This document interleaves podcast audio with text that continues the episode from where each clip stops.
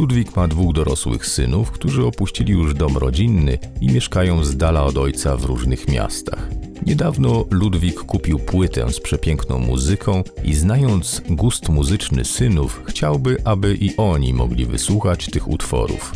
Postanowił więc wykonać dwie kopie płyty i przesłać je każdemu z synów, tak aby wszyscy trzej mogli delektować się fantastycznymi dźwiękami. Czy Ludwik naruszy w ten sposób autorskie prawa majątkowe twórców?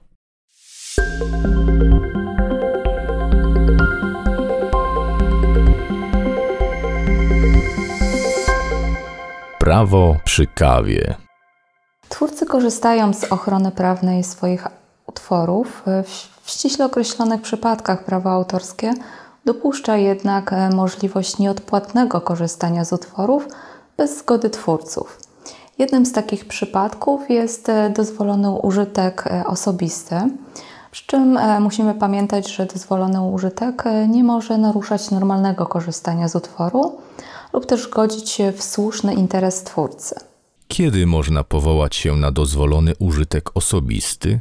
Bez zezwolenia twórcy wolno nieodpłatnie korzystać z już rozpowszechnionego utworu w zakresie własnego użytku osobistego.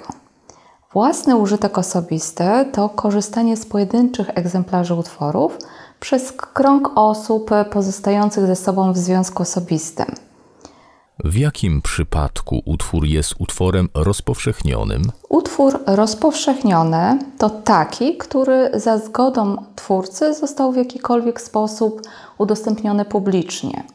I publiczność udostępnienia ma miejsce w sytuacji, gdy grupa odbiorców nie jest z góry ograniczona oraz gdy ich ilość jest znaczna, czyli nie jest, jest to więcej niż kilka osób. W sytuacji, gdy wykorzystanie dotyczy utworu nierozpowszechnionego, nie ma możliwości powołania się na dozwolony użytek osobisty. Jak interpretować pojęcie krąg osób pozostających w związku osobistym? Związek osobisty oznacza w szczególności pokrewieństwo, powinowactwo lub stosunek towarzyski. O ile krąg osób powiązanych ze sobą pokrewieństwem czy też e, powinowactwem e, nie będzie nam trudno ustalić, o tyle już e, wskazanie osób pozostających w stosunku towarzyskim może stwarzać pewne problemy.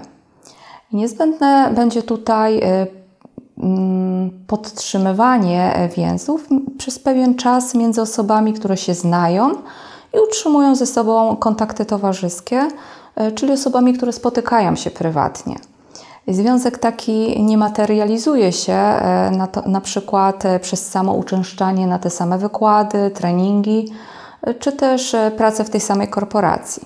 Co obejmuje uprawnienie do korzystania z utworu? Istotne pozostaje wyjaśnienie pojęcia korzystanie z utworu.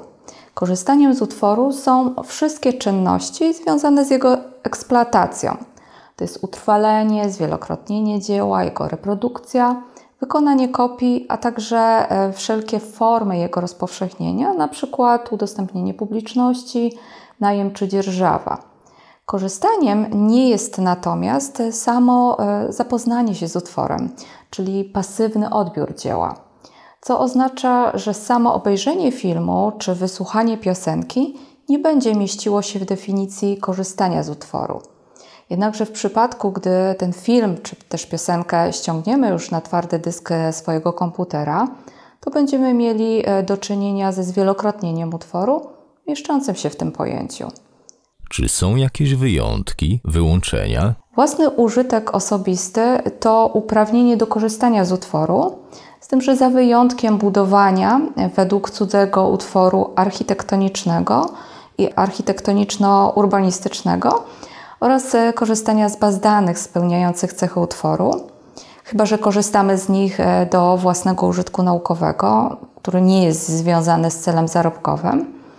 Dozwolonego użytku e, nie można zastosować również, nie można powoływać się na niego również w przypadku programów komputerowych. Nie można zapominać, że dozwolonego użytku e, własne, z dozwolonego użytku własnego mogą korzystać wyłącznie osoby fizyczne, czyli nie mogą się na niego powoływać osoby prawne.